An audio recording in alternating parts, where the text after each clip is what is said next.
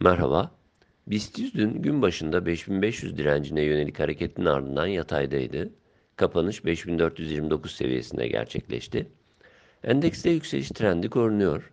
5500 direnç bölgesi gün içerisinde test edilirken kapanış kısa periyot için destek olarak takip ettiğimiz 5350-5300 bandı üzerinde.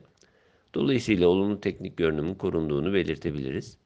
BIST'te 5350-5300 bandı yakın destek, 5200 seviyesi altı ise kısa periyot için zayıflama bölgesi olarak düşünülebilir. Üzerindeki hareketin korunması yükseliş yönlü beklentinin güçlü kalması olarak değerlendirilmeli.